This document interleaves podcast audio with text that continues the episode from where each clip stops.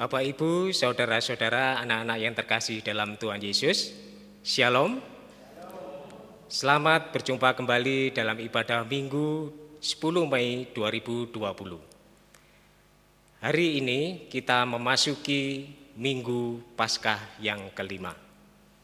Doa dan harapan kami, keluarga Bapak Ibu dan panjenengan semua selalu sehat, selalu di dalam lindungan Tuhan Yesus, sekalipun kita membangun ibadah kita di rumah kita masing-masing penuh dengan sukacita. Bapak Ibu yang terkasih dalam Tuhan, sembari kita menyiapkan hati dan pikiran kita untuk memasuki ibadah ini, kami persilakan Bapak Ibu untuk menyiapkan Alkitab dan buku pujian. Ibadah kita saat ini akan dilayani oleh Bapak Pendeta Legal Hendriawan. Mari kita dengan penuh sukacita, kita awali ibadah kita saat ini dengan memujikan Kidung Jemaat nomor satu ayat yang pertama.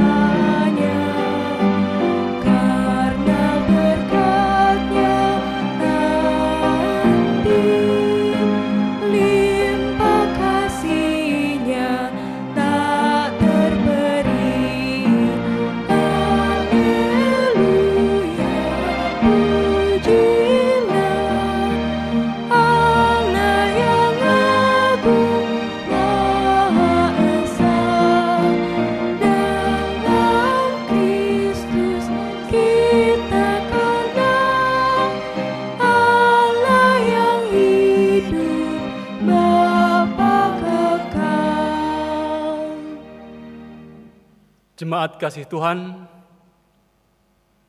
mari kita pusatkan hati dan pikiran kita kepada Tuhan. Memasuki ibadat kita pada saat ini, dengan bersama kita mengambil saat hening.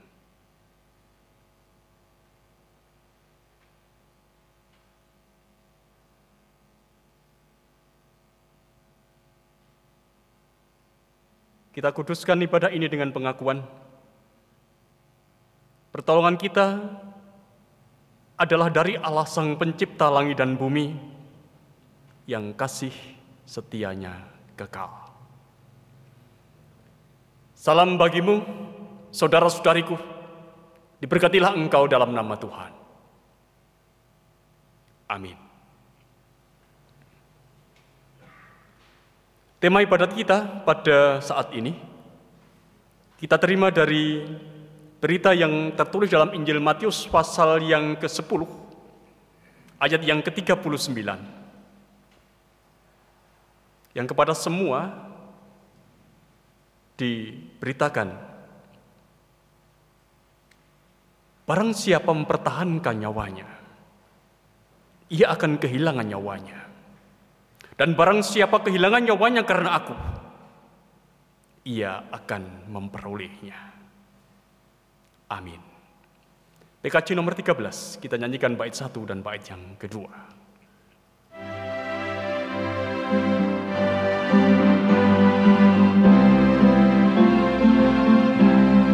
Kita masuk rumahnya berkumpul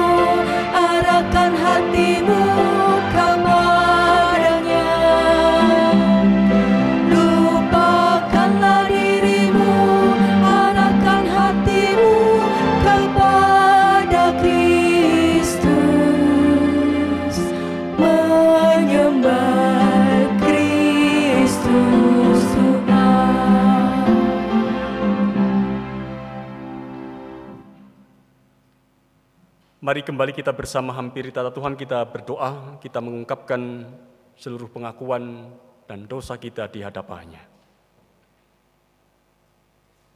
Bapa yang baik, Bapa yang penuh kasih, kami datang kepadamu ya Tuhan pada saat ini, membawa hati kami, membawa kehidupan kami. Kami menyadari Tuhan, ada banyak pelanggaran dan perkara-perkara yang tidak berkenan yang telah kami berbuat. Ketika kami melukai, ketika kami menyakiti hati sama kami, dan bahkan melukai dan menyakiti hati Tuhan. Bapak, kami datang membawa pengakuan kami. Engkau mengenal dan mengetahui isi kehidupan kami. Tuhan, kami bawa semuanya ini dalam penyesalan. Kami menyadari Tuhan, dosa kami yang besar. Tapi kami juga percaya akan kasih-Mu yang mengampuni kami, jauh lebih besar dibandingkan dengan kuasa dosa. Kami percaya pengampunan-Mu akan Engkau berikan bagi kami, supaya kami tetap boleh ada dalam damai-Mu.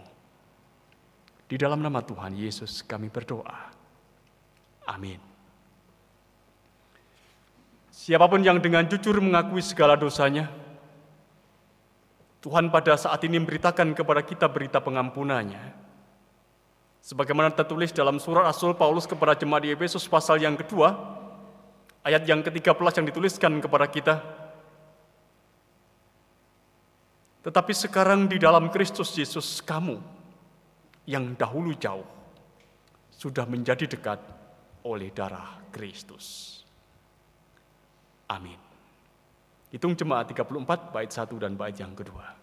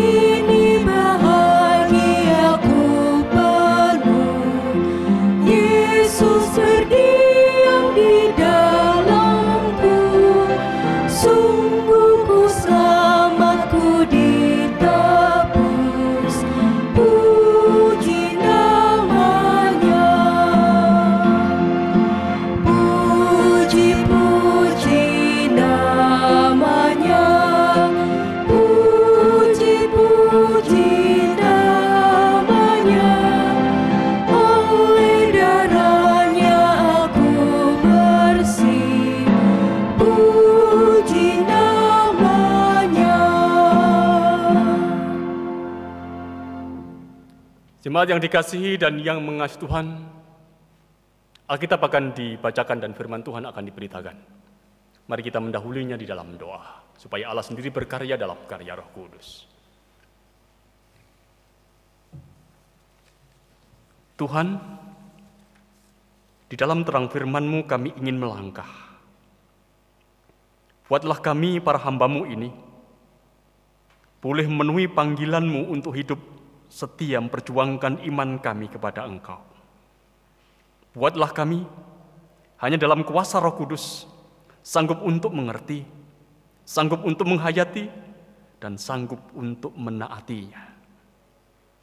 Tolonglah kami yang memberitakan firman-Mu, maupun semua umat-Mu yang mendengarkannya. Biarlah kami beroleh kuasa darimu untuk melakukannya. Biarlah firman-Mu itu menjamah dan menghidupkan kehidupan kami. Demi Kristus kami berdoa. Amin. Bapak, Ibu, warga jemaat, juga anak-anak yang terkasih di dalam Tuhan. Firman Tuhan yang akan kita baca pada hari ini akan terambil dari kisah para rasul 7 ayat 54 sampai dengan 60 yang demikian. Ketika anggota-anggota Mahkamah Agama itu mendengar semuanya itu, sangat tertusuk hati mereka. Maka mereka menyambutnya dengan gertakan gigi. Tetapi Stefanus yang penuh dengan Roh Kudus menatap ke langit, lalu melihat kemuliaan Allah, dan Yesus berdiri di sebelah kanan Allah. Lalu katanya, "Sungguh, aku melihat langit terbuka, dan Anak Manusia berdiri di sebelah kanan Allah." Maka berteriak-teriaklah mereka, dan sambil menutup telinga serentak menyerbu Dia. Mereka menyeret dia keluar kota lalu melemparinya. Dan saksi-saksi meletakkan jubah mereka di depan kaki seorang muda yang bernama Saulus. Sedang mereka melemparinya, Stefanus berdoa, katanya, Ya Tuhan Yesus, terimalah rohku. Sambil berlutut ia berseru dengan suara nyaring, Tuhan, Janganlah tanggungkan dosa ini kepada mereka. Dan dengan perkataan itu meninggallah dia. Demikian kesaksian firman Tuhan. Yang berbahagia adalah setiap orang yang mendengar dan meliharanya dalam hidup. Amin.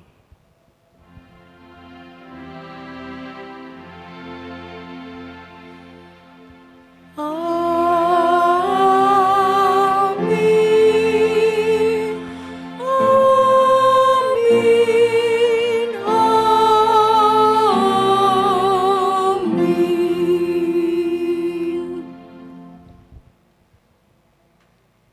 Bapak, Ibu, dan saudara-saudara, dan juga anak-anakku yang dikasihi dan yang mengasihi Tuhan. Pernah saya membaca sebuah buku terkait dengan kehidupan para martir. Buku ini bercerita banyak tentang orang-orang Kristen yang karena imannya, karena keyakinannya pada Kristus Yesus, ia rela untuk ada dalam penderitaan, kesesakan, bahkan kematian. Ada banyak ratusan nama disebutkan dari berbagai macam bangsa. Dan bukan hanya orang-orang dewasa yang disebutkan dalam buku itu yang menjadi martir. Bahkan anak-anak pun juga menjadi martir. Itu berarti bahwa kehidupan orang percaya itu tidak hanya dominasi oleh orang-orang dewasa tapi juga kehidupan anak-anak yang di dalamnya boleh menunjukkan bahwa ia juga hidup bergantung begitu rupa kepada Sang Juru Selamat yaitu Kristus Yesus. Membaca buku ini sebenarnya terbesit juga rasa ngeri, rasa pedih. Karena yang terpampang dalam gambaran yang ada dalam buku itu adalah cerita yang sangat memilukan. Bagaimana penganiayaan itu dilakukan untuk kehidupan orang-orang yang percaya kepada Tuhan Yesus. Ada yang disalib seperti hanya Yesus. Ada yang disalib dengan posisi terbalik dengan kepala yang berada di bawah. Ada yang dikuliti tubuhnya. Ada yang dibakar hidup-hidup. Ada yang ditancapkan di dalamnya sebuah pasak dari kayu. Ada yang mati dengan pedang dan masih banyak yang lain.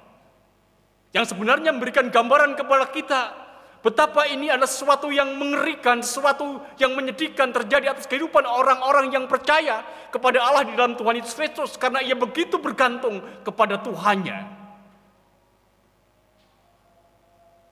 Tapi sesungguhnya Bapak Ibu dan saudara-saudara yang dikasih dan yang mengasihi Tuhan. Kengerian wajah kematian melalui kehidupan para martir ini. itu menjadi wajah kehidupan kekristenan. Memang benar saudara-saudara, kekristenan itu dibangun di atas dasar kematian dan kebangkitan Yesus. Ya, itu benar. Tetapi kita juga harus mengakui bahwa itu kemudian disuburkan dan dirawat oleh darah para martir yang tertumpah. Kisah Stefanus, saudara-saudara, yang baru saja kita baca, merupakan sebuah kisah tentang kehidupan seorang martir pada awal kekristenan. Ketika gereja mulai bertumbuh, ketika gereja itu mulai bersemi, tapi seiring dengan gereja yang mulai bertumbuh itu juga terjadi penganiayaan terhadap kehidupan orang-orang Kristen. Kalau kita perhatikan di dalam bagian kisah parose ini pasal yang ke-8 ayat yang pertama bagian B dikatakan begini. Pada waktu itu mulailah penganiayaan yang hebat terhadap jemaat di Yerusalem.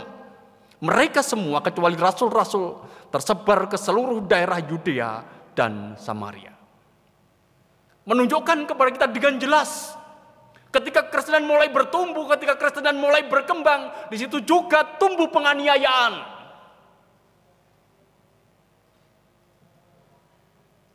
Saya menghayati Bapak Ibu dan saudara-saudara bahwa di balik semua bentuk penganiayaan yang menimbulkan penderitaan atas kehidupan orang-orang Kristen, pada saat itu. Sebenarnya berdiri kuasa yang besar yang ingin menghambat pekerjaan Allah. Dan itu pasti adalah kuasa si jahat. Dan itu pasti adalah kuasa iblis yang ingin berusaha untuk mencegah penyebaran Injil di atas muka bumi ini. Jadi secara sederhana kita boleh mengatakan Bapak Ibu dan saudara-saudara bahwa penganiayaan, penderitaan, kesesakan yang dialami oleh orang-orang Kristen itu adalah modus dari iblis untuk menjauhkan orang percaya dari kasih Allah.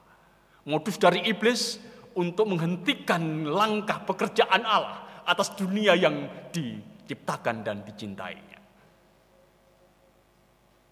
Dalam kasus Stefanus, saudara-saudara, kita bisa mengetahui bahwa kekuatan kuasa iblis itu terwakili oleh para penganiaya.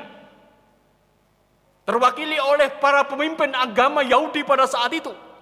Yaitu mereka yang dengan tegas kalau kita baca di dalam pasal sebelumnya, pasal yang ke-6 misalnya kita ke Rasul, kita akan tahu bahwa mereka adalah orang-orang yang memfitnah Stefanus, mereka adalah orang-orang yang mengajukan saksi palsu untuk Stefanus yang diadili, mereka yang meneriakkan bahwa Stefanus telah menghujat Allah, mereka pula yang menyeret Stefanus ke pengadilan yang kemudian pada akhirnya dengan kemarahan mereka membunuh dengan melempari batu Stefanus. Ini menunjukkan kepada kita kuasa iblis terwakili oleh keberadaan orang-orang ini. Mereka yang jahat, mereka yang tidak perlu peduli dengan kehidupan orang lain, yang mewartakan kebenaran untuk kehidupan mereka. Sedang dari sisi Stefanus, saudara-saudara kita menghayati, Stefanus ini mewakili kehadiran Kristus. Mewakili kehadiran Kristus. Dia yang ketika ada dalam peradilan itu ada dalam ketenangan. Dia adalah pribadi yang begitu berani menghadapi kematian. Dia adalah begitu, pribadi yang begitu kuat ketika ia harus menyangga penderitaan. Dia begitu berani untuk berhadapan dengan orang-orang yang ada dalam kemarahan itu.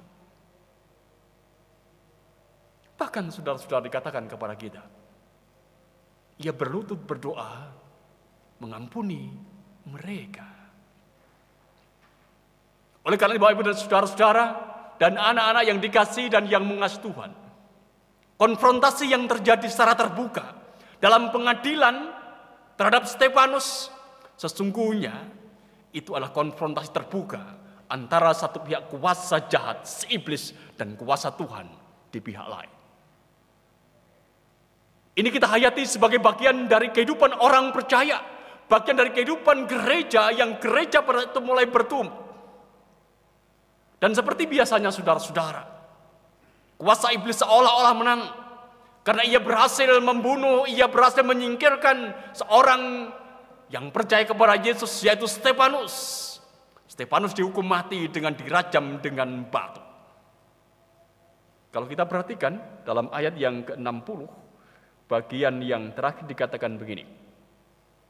Dan dengan perkataan itu meninggallah ia. Dan dengan perkataan itu meninggallah ia. Seolah-olah peristiwa meninggalnya atau peristiwa matinya Stefanus ini menjadi puncak atas kemenangan kuasa iblis. Seolah-olah. Tapi benarkah iblis menang, saudara-saudara? Benarkah kuasa jahat itu menang? Kita hanya boleh mengatakan hanya kelihatannya menang. Hanya kelihatannya. Tapi sungguhnya tidak. Iblis akan tak menjadi pecundang di bawah kekuasaan Tuhan. Iblis tidak akan pernah menjadi pribadi. Kalau itu kita katakan pribadi. Yang menang berhadapan dengan pribadi Allah yang berkuasa. Mari perhatikan saudara-saudara. Di dalam ayat 1b dari pasal yang ke-8, kembali kita perhatikan. Pada waktu itu mulalah penganiayaan yang hebat terhadap jemaat di Yerusalem. Mereka semua kecuali rasul-rasul tersebar ke seluruh daerah Yudea dan Samaria. Ini menunjukkan kepada kita bahwa ketika terjadi penganiayaan, terjadi pembunuhan terhadap Stefanus, pada itulah juga Injil kemudian tersebar di luar Yerusalem. Injil justru kemudian tersebar ke Yudea, ke Samaria, wilayah lain di luar Yerusalem. Kita boleh mengatakan saudara-saudara, bahwa justru melalui kematian Stefanus itu menjadi tonggak atas persebaran Injil di luar Yerusalem. Kematian Stefanus itu menjadi tolak atas kehidupan perkembangan pewartaan Injil bagi kehidupan orang-orang yang percaya. Dan itu juga berarti perkembangan kehidupan kekristenan. Stefanus boleh mati, ya. Stefanus boleh mati. Tetapi berita Injil tetap terwartakan, tersebar, dan tak terkendali. Kita menghayati Bapak Ibu dan Saudara-saudara yang dikasih dan yang mengasihi Tuhan, bahwa memang kuasa si jahat itu sering menggunakan penganiayaan, sering menggunakan penderitaan orang percaya itu untuk menghambat pekerjaan Allah atau bahkan ingin menghentikan pekerjaan Allah. Oleh karena itu mari kita juga bersama-sama waspada di dalam kehidupan kita.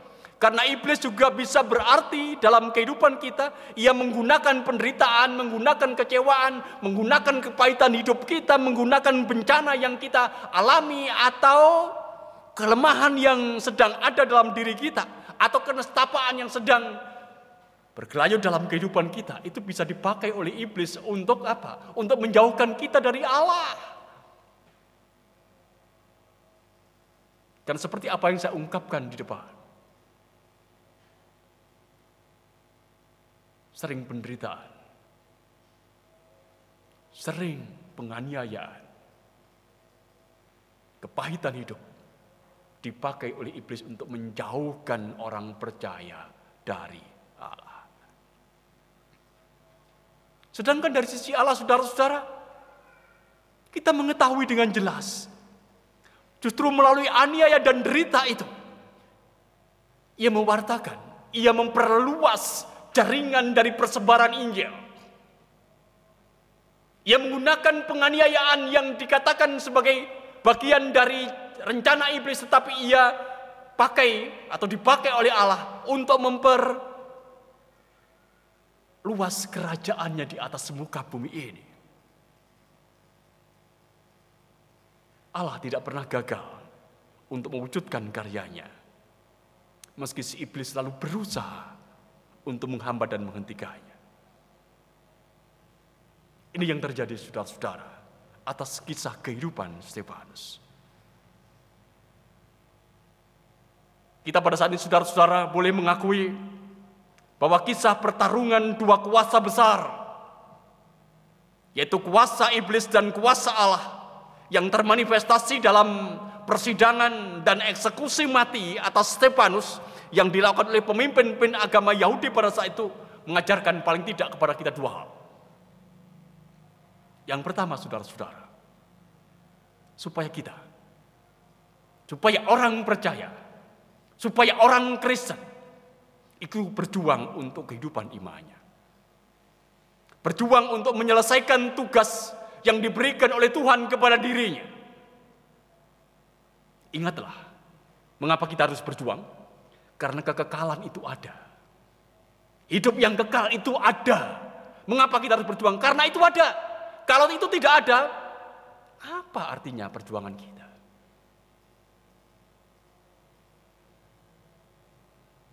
Kalau kita perhatikan bacaan kita tadi saudara-saudara, menegaskan kepada kita kekekalan itu ada adalah apa yang diungkapkan dalam bacaan kita. Sungguh, aku melihat langit terbuka dan anak Allah berdiri di sebelah kanan Allah. Itu yang menjadi pandangan, yang menjadi kesaksian Stefanus. Sungguh aku melihat langit terbuka atau sorga terbuka dan di sana berdiri anak Allah. Kekekalan itu ada, saudara-saudara. Kekekalan itu ada. Kalau kita pakai bahasa tema kita, saudara-saudara, kalau kita perhatikan tema kita, sebagaimana tertulis dalam Injil Matius pasal 10 ayat 39, seperti yang saya ungkapkan tadi begini. Barang siapa mempertahankan nyawanya, ia akan kehilangan nyawanya. Dan barang siapa kehilangan nyawanya karena aku, ia akan mendapatkannya atau ia akan memperolehnya. Stefanus boleh kehilangan nyawanya, tapi ia mendapatkannya kembali. Ia memperolehnya kembali dengan ia melihat visi kerajaan Allah yang ia saksikan. Melihat sorga terbuka dan anak Allah berdiri di sebelah kanan Allah. Ungkapan ini sebenarnya menarik Bapak Ibu dan Saudara-saudara. Dalam pengakuan iman kita kan duduk di sebelah kanan Allah, bukan berdiri. Mengapa diungkapkan berdiri? Sebenarnya kata berdiri ini menunjuk kepada pengertian begini. Kalau anak Allah berdiri itu berarti anak Allah datang, anak Allah berada di tempat itu untuk apa? Untuk menyambut yang datang. Siapa yang datang? Yang datang Stefanus. Stefanus yang berjuang untuk kekalahan di dalam hidupnya. Dan kita mengatakan, bukankah ini sebuah kenyataan hidup yang melegakan setiap hati, setiap orang yang merindukan kekalahan dan pelukan kasih Allah di dalam Kristus. Ia telah berjuang. Ia telah kehilangan nyawanya karena dia karena Yesus dan ia mendapatkannya kembali. Atau kalau kita menggunakan terminologi atau istilah seperti yang saya ungkapkan pada khotbah minggu yang lalu tentang Yesus adalah pintu saudara-saudara. Maka sesungguhnya kita boleh mengatakan bahwa Stefanus telah melalui pintu yang benar dan ia mendapatkan keselamatan dan ia kemudian menemukan padang rumput yang sejati. Padang rumput yang sejati. Tempat yang penuh dengan kedamaian. Sebagaimana Stefanus disambut oleh anak Allah. Oleh karena itu Bapak Ibu dan Saudara-saudara, kita menghayati bahwa inilah juga menjadi kerinduan kita. Kerinduan orang yang percaya. Oleh karena itu, berjuanglah untuk apa yang kekal. Seperti Stefanus telah lakukan. Pengajaran kedua yang ingin disampaikan kepada kita saudara-saudara, beranilah berkorban untuk kasih. Beranilah berkorban untuk kasih yang kita hidupi. Stefanus itu menghidupi kasihnya kepada Allah, kepada Yesus. Itu dengan apa? Dengan berkorban. Dengan berkorban. Jadi ide sederhananya saudara-saudara begini. Bahwa hubungan kasih itu akan boleh menikmati atau boleh merasakan atau boleh sampai pada kekekalan jika di situ ada pengorbanan. Sekali lagi, bahwa kasih itu hanya boleh dihidupi dengan pengorbanan. Kalau ingin hidup kita, hidup kasih kita itu kekal, atau bernuansa kekal, atau sampai kekalan, kita harus berani berkorban. Tidak bisa tidak.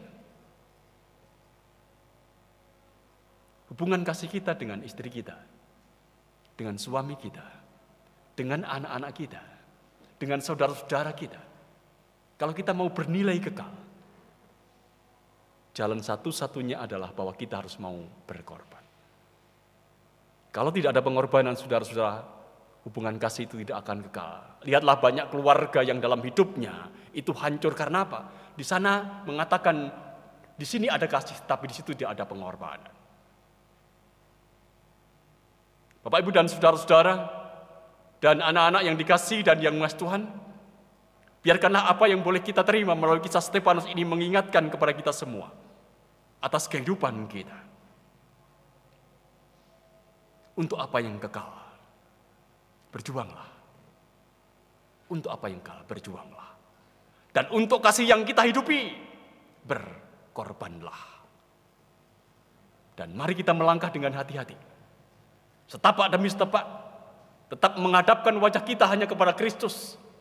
Karena jika tidak, saudara-saudara kita harus menyadari iblis itu selalu ada di sekitar kita. Ia bisa menggunakan derita, kepahitan hidup, kengsaraan kita untuk menjauhkan dari dia. Jangan kita jauh dari dia, tapi biarkanlah kita dekat dengan dia. Dengan mengarahkan pandangan kita hanya kepada Allah. Dengan apa? Dengan berjuang dan berkorban. Amin. Bersama kita mengambil saat teduh.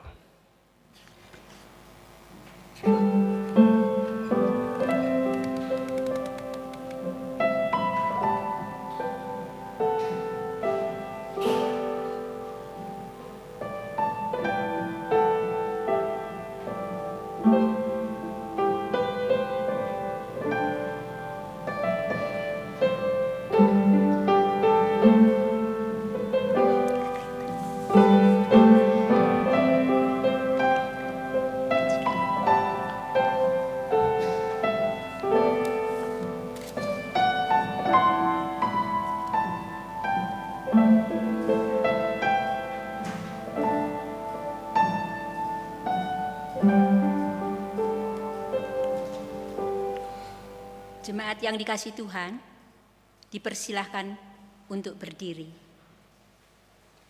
Bersama dengan orang-orang percaya lain di muka bumi ini, marilah kita perbaharui iman percaya kita dengan mengucapkan iman rasuli yang demikian. Aku percaya kepada Allah Bapa yang Maha Kuasa, Kalik langit dan bumi dan kepada Yesus Kristus, anaknya yang tunggal, Tuhan kita, yang dikandung daripada roh kudus, lahir dari anak darah Maria, yang menderita di bawah pemerintahan Pontius Pilatus, disalibkan, mati dan dikuburkan, turun ke dalam kerajaan maut. Pada hari yang ketiga, bangkit pula dari antara orang mati, naik ke surga, duduk di sebelah kanan Allah, Bapa yang Maha Kuasa, dan akan datang dari sana untuk menghakimi orang yang hidup dan yang mati. Aku percaya kepada Roh Kudus, gereja yang kudus dan am, persekutuan orang kudus, pengampunan dosa, kebangkitan daging, dan hidup yang kekal. Amin. Jemaat dipersilahkan duduk. Vokal grup kelompok 9 akan mempersembahkan pujiannya, jam kehidupan.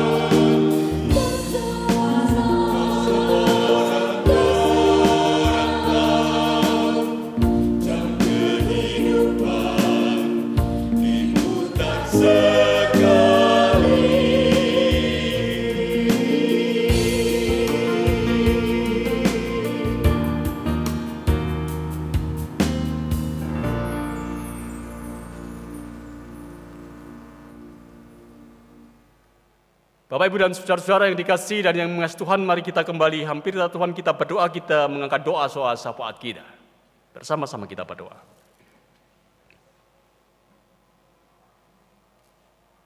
Bapak Sorgawi, kami bersyukur kepadamu karena engkau masih berkenan meneduhkan hati kami.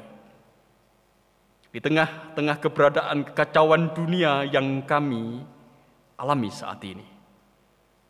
Kami hanya berharap bahwa pada masa-masa sulit ini, kita, anak-anakmu ini, boleh melaluinya dan kembali boleh mendapatkan kehidupan yang sesungguhnya kami pahami sebagai anugerah Tuhan yang terbaik. Sebagai umatmu, kami hanya menyerahkan kepada engkau sebagai Tuhan yang berkuasa untuk melakukan pemulihan atas dunia yang sedang sakit ini. Kami berdoa untuk para pemimpin bangsa kami, ya Tuhan. Kami tahu bahwa mereka telah bekerja dengan sangat keras. Mereka pun juga telah berusaha sedemikian rupa untuk kehidupan bangsa ini. Tapi kami sadar bahwa mereka pun juga tentu ada dalam keterbatasan. Mungkin mereka tak lagi sempat memikirkan diri mereka sendiri atau keluarganya.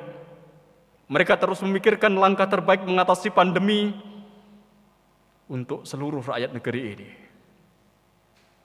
Oleh karena Tuhan, kasihanilah mereka.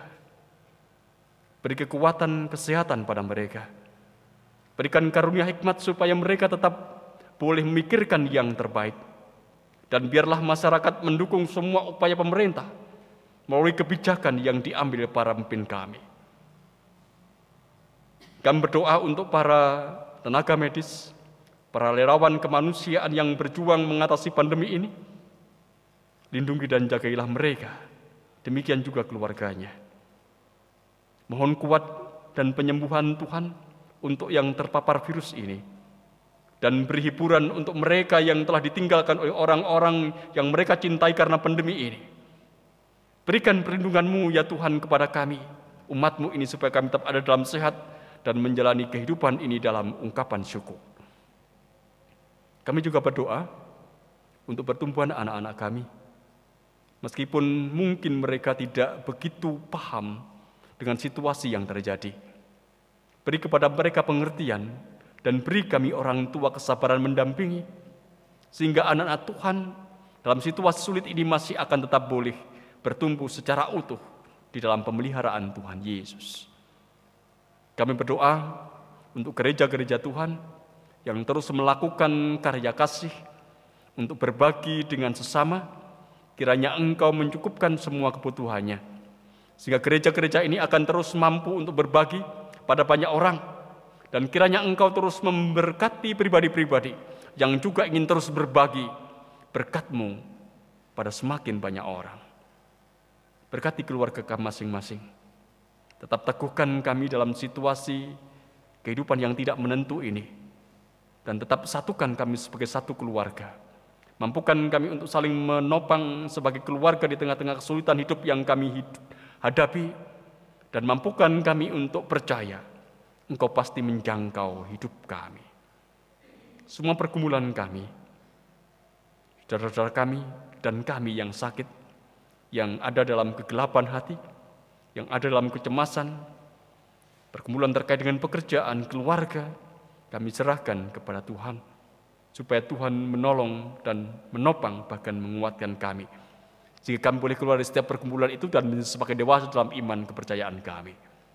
Berikan kepada kami kekuatan Tuhan untuk mewujud nyatakan apa yang menjadi kehendakmu. Apa yang engkau beritakan bagi kami melalui firman Supaya hidup kami tertuju pada kekekalan. Karena sesungguhnya kekekalan itu ada. Dan kami berjuang dan berupaya untuk mewujudkan dalam hidup kami ini seperti kehidupan Stefanus. Setia kepada engkau sampai akhir hidup kami. Mampukan kami anak-anakmu untuk tak percaya bahwa Engkau akan menjaga hidup kami, membawa kami pada kegagalan. Bapak di sorga, kami sadar akan ungkapan doa kami yang terbatas. Engkau yang menyempurnakan. Sebagaimana Tuhan Yesus mengajarkan kepada kami berdoa. Bapa kami yang di sorga, dikuduskanlah namamu, datanglah kerajaanmu, jadilah kendakmu di bumi seperti di sorga. Berikanlah kami pada hari ini makanan kami yang secukupnya, dan ampunilah kami akan kesalahan kami, seperti kami juga mengampuni orang yang bersalah kepada kami.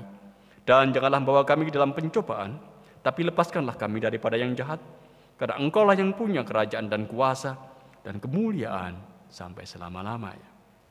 Amin.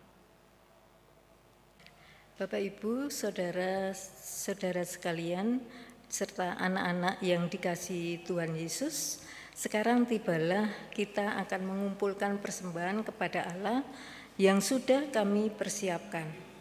Untuk mendasari kita memberikan persembahan, ada sabda Tuhan yang tertulis pada 2 Korintus 8 ayat 12 yang berbunyi, Sebab jika kamu rela untuk memberi, maka pemberianmu akan diterima. Kalau pemberianmu itu berdasarkan apa yang ada padamu, bukan berdasarkan apa yang tidak ada padamu. Bersama dengan kita mengumpulkan persembahan, mari kita memuji kidung jemaat nomor 441 sampai selesainya persembahan.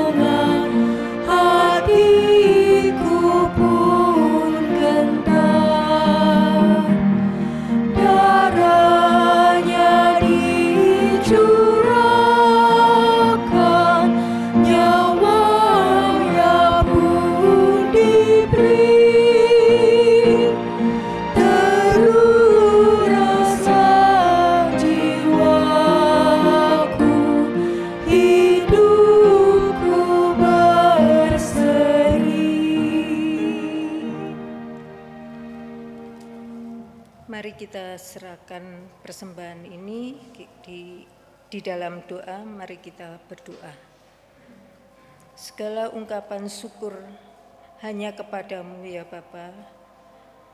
Oleh karena kasih karunia dan berkat yang boleh selalu kami terima dan kami nikmati hingga saat ini. Bapa Surgawi, kami tahu dan percaya semua berkat yang kami terima adalah karena kemurahan Tuhan dalam hidup kami. Untuk itu ya Bapak, di saat ini sebagai ungkapan syukur kami kepada Tuhan, saat ini kami telah mengumpulkan persembahan yang sudah kami siapkan dari rumah kami masing-masing. Kuduskanlah dan terimalah persembahan kami agar dapat menjadi berkat untuk kelebaran kerajaanmu di dunia ini. Dan ajarilah kami terus untuk tahu dan mengerti, mengucap syukur dalam segala hal terutama tahu mempersembahkan tubuh hidup kami sebagai persembahan yang sejati. Inilah ya Bapa seru doa kami, permohonan yang jauh dari sempurna ini kami landaskan di dalam nama Tuhan Yesus Kristus kami berdoa. Amin. Bapak, Ibu, dan saudara-saudara dan anak-anak yang dikasihi dan yang mengasihi Tuhan, kita akan mengakhiri ibadat kita pada saat ini. Kita akan kembali dalam kehidupan keseharian kita dan melakukan aktivitas kita. Dan ingatlah bahwa engkau diutus, diutus untuk menyelesaikan tugas hidupmu.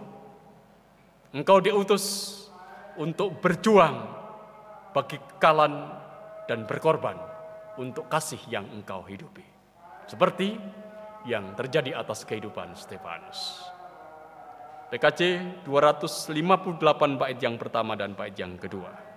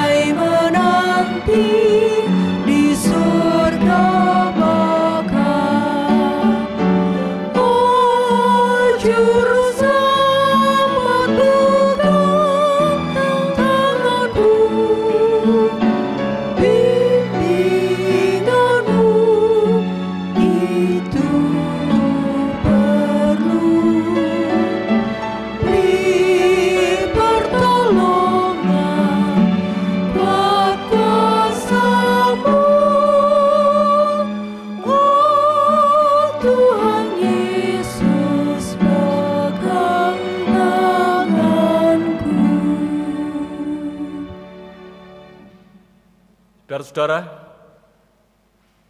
undurlah dari ibadah kita dan terimalah berkat Tuhan. Allah yang kami sebut dalam nama Bapa, Putra, dan Roh Kudus, yang menjadi sumber dari segala berkat, keselamatan, kekuatan, sentosaan, beserta dengan saudara-saudara, kini dan selamanya. Amin.